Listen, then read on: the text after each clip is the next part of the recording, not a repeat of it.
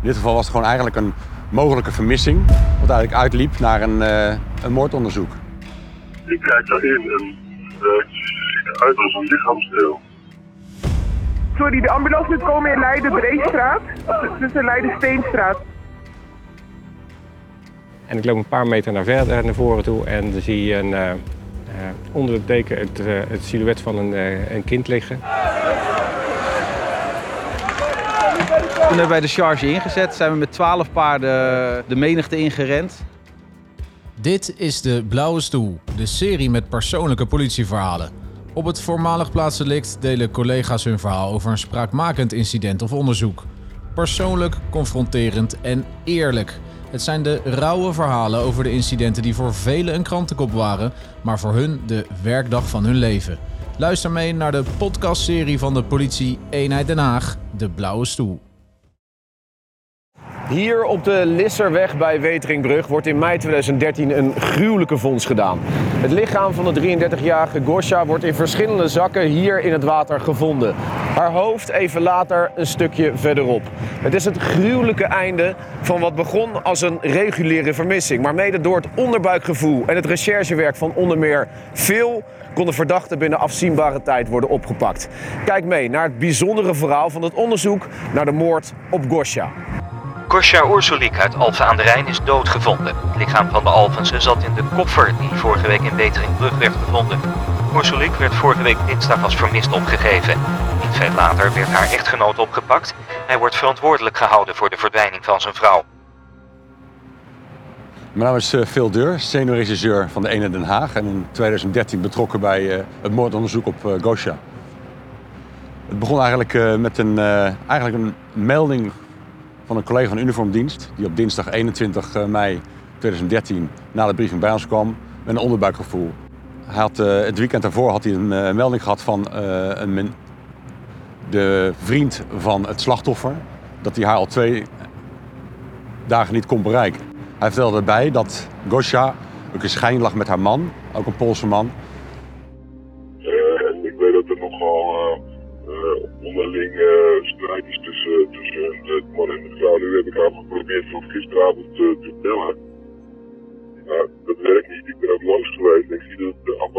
Waar ze wonen is alles dicht. De auto staat er wel. En ik ben eigenlijk ongerust over uh, of het wel goed gaat daar. En toen hebben we dat opgepakt. Want vaak is het zo dat je als uh, politieman een zaak bezig bent of als met een zaak bezig bent, uh, van een, je hebt een zaak en je hebt een verdachte. In dit geval was het gewoon eigenlijk een mogelijke vermissing, wat eigenlijk uitliep naar een, een moordonderzoek binnen korte tijd. Wij hebben de zaak opgepakt. Wij, zijn, uh, wij hebben op die dinsdag 21 mei hebben wij de vriend naar het bureau gehaald om nog een keer nader te horen. En ik zelf met een collega ben ik naar het bedrijf gegaan van, waar de, de, de echtgenoot werkzaam was in Aalsmeer. Uh, opvallende was dat de auto van, het, uh, van die stond gewoon voor de woning. En hij, de echtgenoot, was gewoon aan het werk gegaan in dat bedrijf. We denken, nou, we gaan eens vragen. Want misschien krijgen we wel te horen van, nou ja, ze is terug naar Polen gegaan of ze liggen ergens de roes uit te slapen. Zoals heel vaak van dit soort vermissingen uh, eindigen, dat je toch de persoon weer opspoort. Nou, we komen bij het bedrijf aan, we spreken naar de directeur. om te vragen van, kunnen we even met uw cliënt of, of, of, met uw werknemer praten? Sorry. maar die gaf eigenlijk geen geen toestemming daarvoor. Want die vond ja, onrust op de werkvloer maandagmorgen. Ja, je bent toch afhankelijk van iemand van zo'n bedrijf. En toen dacht ik van ja, nou, we kunnen nu twee dingen doen. We kunnen hem toch ergens in de kantine met allemaal mensen omheen confronteren daarmee. Maar ik heb toen de vraag gesteld aan de directeur: wilt u zeggen dat wij niet hier lang zijn geweest, maar, zijn gaan, maar dat, dat wij u gebeld hebben om hem te vragen om naar het bureau te komen? Want de directeur had wel toestemming om hem dan vrij te geven dat hij naar het bureau kon komen. wij hebben buiten wij zijn auto uh, afgepost. Van tevoren hadden wij in zijn auto hadden wij de sleutelbos van de auto van uh, Gosha zien liggen. Daar had ik ook een foto van gemaakt. En dat is zo'n heel opvallend uh, grijs fluffybeertje aan. Ik heb er een foto van gemaakt, naar mijn collega gestuurd. Uh, en die zat met die, met die melder, de vriend zeg maar, op het bureau. En die herkende haar sleutelbos. Dat was eigenlijk de eerste aanwijzing van ja, waarom staat die auto voor haar deur? En waarom ligt die sleutelbos van haar in zijn auto? Maar goed, hij stond er buiten te wachten. En hij kwam een half uur later kwam hij naar buiten toe. Hij liep naar zijn auto, stapte in. En 50 meter verder stopte hij weer. Haalde een, stuk, haalde een vuilniszakje achteruit zijn auto en goot hij daar weg. Nou, wij er achteraan gereden, snel die vuilniszak in de auto gedaan. want wij vonden dat vreemd gedrag. Hij krijgt van zijn directeur de melding, je moet naar het bureau gaan om je te melden, in verband met je vrouw. Dat hadden we met die man afgesproken. Uh, vuilniszakje veilig gesteld. Nou, achteraf bleek daar dus natte slippers en flessen schoonmaakmiddel te zijn... waar ook het bloed van Gosja opgevonden werd. Vervolgens rijdt hij naar een benzinestation, uh, gaat er naar binnen, gooit weer iets weg. Uh, inmiddels, ja, en dat is uh, in dit zaken, wanneer is, wanneer dan iemand verdachte? Officier justitie die erover gaat. Nou, die vond op dat moment nog niet zo dat deze man de status van verdachte had. we zijn naar het bureau gereden, we nog in zijn auto gekeken. We hadden hem in de, in de hal laten plaatsnemen.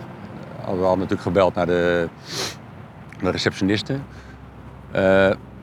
in zijn auto gekeken, sleutelbos weg. Ook later nooit meer teruggevonden. Nou, vervolgens hebben we hem geconfronteerd in het verhoor van waar is je vrouw. Uh, nou, daar wist hij niks van. Maar op een gegeven moment gingen zijn handen een beetje uit zijn gezicht. Uh, want hij, hij, hij had een beetje vreemd gedrag. En toen zagen we in zijn nek zagen wij allemaal ja, schrammen alsof er uh, nagels in zijn, in zijn nek waren gestaan. nou, toen de officier gebeld. En op dat moment zei de officier van nou, nu is hij voldoende verdachte. Hij kon geen verklaring geven waar zijn vrouw was. Een beetje een onsamenhangend verhaal. En toen hebben we mogen aanhouden op dat moment. Op het moment dat hij als verdachte werd aangemerkt, ja, dan gaan we natuurlijk nog verder onderzoek doen.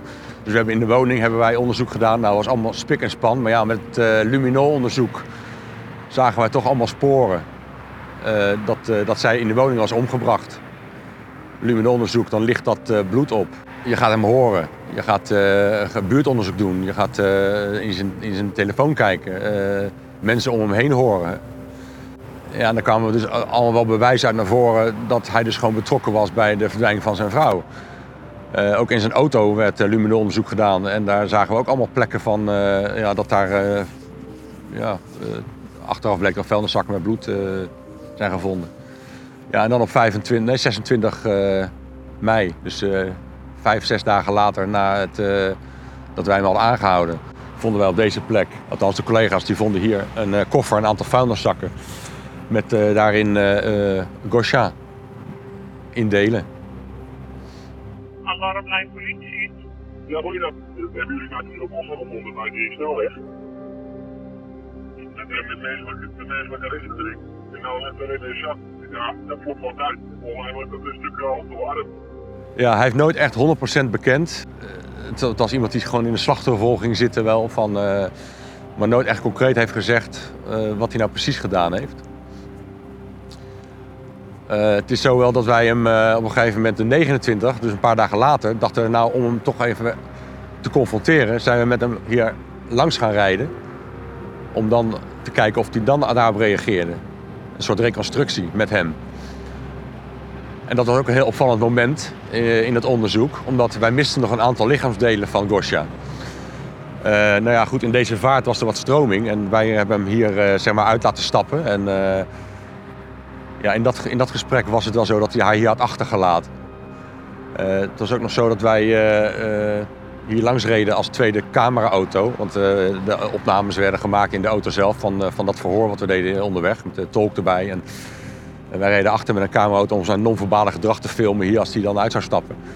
En toen zag ik daar een puntje van een vuilniszak omhoog steken. Ja, dan praat je over 300 meter verderop in die vaart. En mijn collega die achter reed voor de beveiliging, die, uh, die is er omgelopen. En die, ja, die, die haalde met een takje die vuilniszak uh, en uh, die deed hem open. En toen vonden we dat ook nog een lichaamsdeel van de. Op het moment dat hij erbij was. Nou goed, ook dat gedrag van hem staat dan op, op beeld eigenlijk heeft hij de hele weg wel zitten huilen. Ja, dan zitten twee professionele verhoorders zitten daar in de auto om, om hem toch uitspraken te laten doen dat hij dat gedaan heeft en die achtergelaten heeft. Dat heeft hij ook wel gezegd. Hij wees ook nog een andere plek aan in Lissebroek. Wij dachten in eerste instantie, nou dat heeft hij gedaan om nog even een, buiten nog een leuk ritje te krijgen. Want daar vertelde hij over dat hij bij een brede vaart in Lissebroek uh, ook nog een zak had weggooid. Maar dat hij uh, voor deze plek gekozen omdat die zak daar bleef drijven. Uh, en twee maanden later werd daar, of twee weken of twee maanden later, werd daar het laatste lichaamsdeel, het hoofd van Gosja gevonden. stijve dus plastic zak.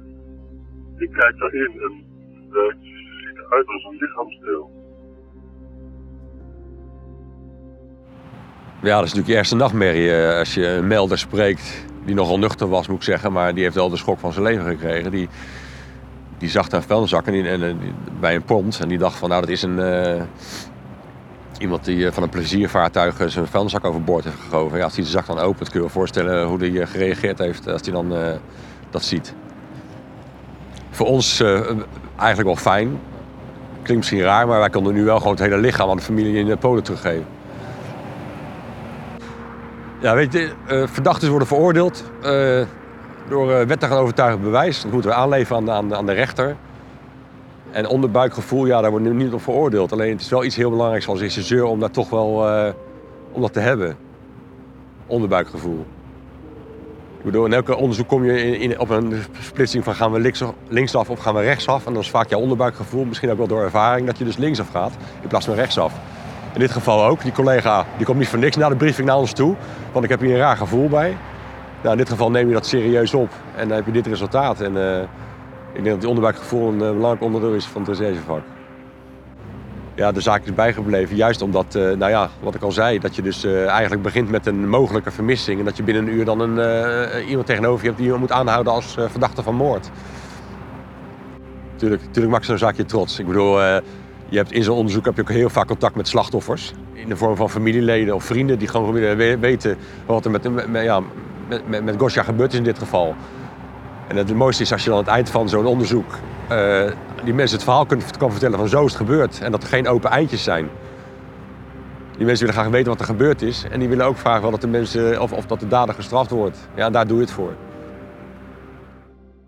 Luister over twee weken weer naar een nieuwe aflevering van De Blauwe Stoel.